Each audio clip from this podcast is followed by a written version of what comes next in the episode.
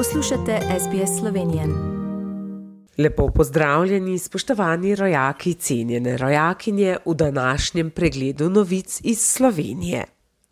Teden, ki je za nami, je bil poln pestrih političnih dogodkov, saj se v državi pripravljamo na državno-zborske volitve, ki bodo naslednjo nedeljo. Ob tem smo zares tudi sneli maske in se nastavljali prvim pravim pomladanskim sončnim žarkom. Temperature so se v tem tednu že dvignile ponekod tudi krepko čez 20 stopinj. Pa gremo k podrobnostim. Po vojni v Ukrajini, ki je tudi v Sloveniji še vedno prva tema vsakdanjih novic, saj k nam prihajajo številni begunci, smo globoko v volivni kampanji, ki vsak dan postreže z novimi odgovori, koga voliti in zakaj.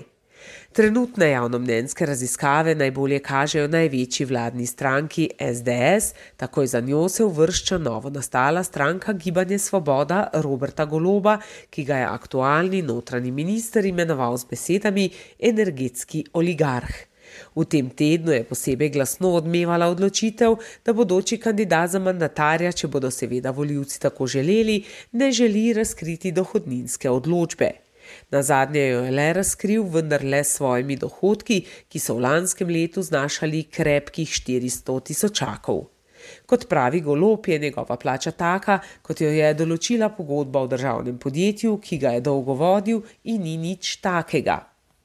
Na drugi strani se stranke spopadajo z očitki aktualni vladi, da si podrejajo sisteme, kot so policija, toživstvo, sodstvo in neodvisne medije. Trenutne opozicijske stranke pa zagotavljajo, da to vrstnega početja v primeru, da bomo izvolili njih, več ne bomo videli. Po vsej državi potekajo predvoljivni shodi, s plakatov nazrejo stari in novi obrazi, vsi po vrsti pa obetajo, da bo z njimi bolje. Televizijske hiše so v tem času pripravile tudi že kar nekaj soočen, kjer smo se voljivci lahko prepričali, kako dobro kandidati poznajo posamezne tematike. V spredju sta zdravstvo in energetika. Vlada je v tem mesecu zaradi visokih cen energije že izplačala nekaj pomoči vsem državljanom. Ob odpisu omrežnine za električno energijo smo v tem tednu vsi upravičenci do otroškega dodatka, posebej tisti s tremi otroki ali več, dobili tudi neke vrste državno pomoč v višini nekaj deset oziroma sto evrov, odvisno od socialnega statusa družine. Očitki, da vlada denar deli zaradi volitev, mnogih ne motijo, saj vsak denar prav pride, še posebej ob praznikih. Prav danes so bile zaradi prihajajočih praznikov velike noči trgovine prenapolnjene. Ljudje se zalagajo z mesnimi izdelki, poticami, jajci in vsem potrebnim, kar se ob tem največjem krščanskem prazniku potrebuje. Je pa vlada prav pred veliko nočjo po strokovnih nasvetih odpravila še enega od večjih ukrepov zaradi koronavirusa: sneli smo maske. Tudi v zaprtih prostorih niso več obvezne, maske bo potrebno nadeti le še ob obisku zdravstvenih ustanov in domov za upokojence. Priporočena je tudi uporaba mask vsem tistim, ki so zaradi zdravstvenih težav bolj ogroženi in jih maska ščiti pred nevarno okužbo.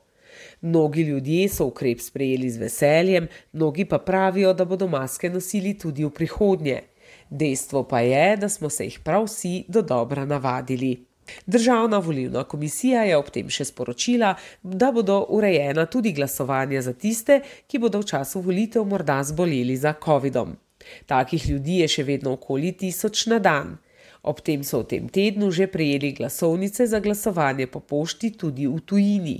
Verjamem, da ste tudi vi, cenjeni rojaki, ki imate možnost voliti že med prejemniki glasovnic po pošti.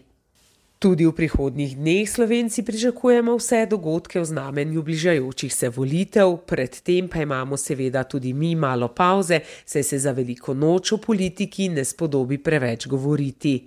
O pozdravu papeža Frančiška v Rimu bodo gotovo vse oči oprte v krasitev bazilike svetega Petra, ki jo tudi letos pripravljata slovenca, ki krasita baziliko že vrsto let tudi ob božiču. V Rim je zato že pretekli teden prispelo na tisoče cvetov orhidej iz Slovenije, pa še mnogo drugega cvetja. Zaradi praznikov so gneče tudi na naših cestah, saj se prenekateri zdomec vrne domov prav za praznike, ob tem pa so polni tudi turistični kraji. Prenekateri slovenec bo namreč prihodnje proste dni preživel v kakšnem turističnem kraju, kapacitete pa so najbolj zapolnjene prav ob obali, kjer je že mogoče loviti tople sončne žarke. Sicer je prav te dni, posebej ob jutrih, še mogoče pričakovati temperature okoli ali malo pod ničlo, padavine, ki smo jih v preteklih dneh dočakali, pa so našo okolico obarvale v živo zeleno barvo, ki nam sporoča, da se je življenje povsem prebudilo. Vesele velikonočne praznike voščim tudi vam, spoštovani poslušalci, daleč tam preko morja. Doživite jih bogato, v krogu svojih družin in z veseljem v srcu. Od vas se poslavljam in vas lepo pozdravljam, Katarina Valentar. Želite slišati sorodne zgodbe? Prisluhnite jim preko Apple ali Google podcasta, preko aplikacije Spotify ali kjerkoli drugje.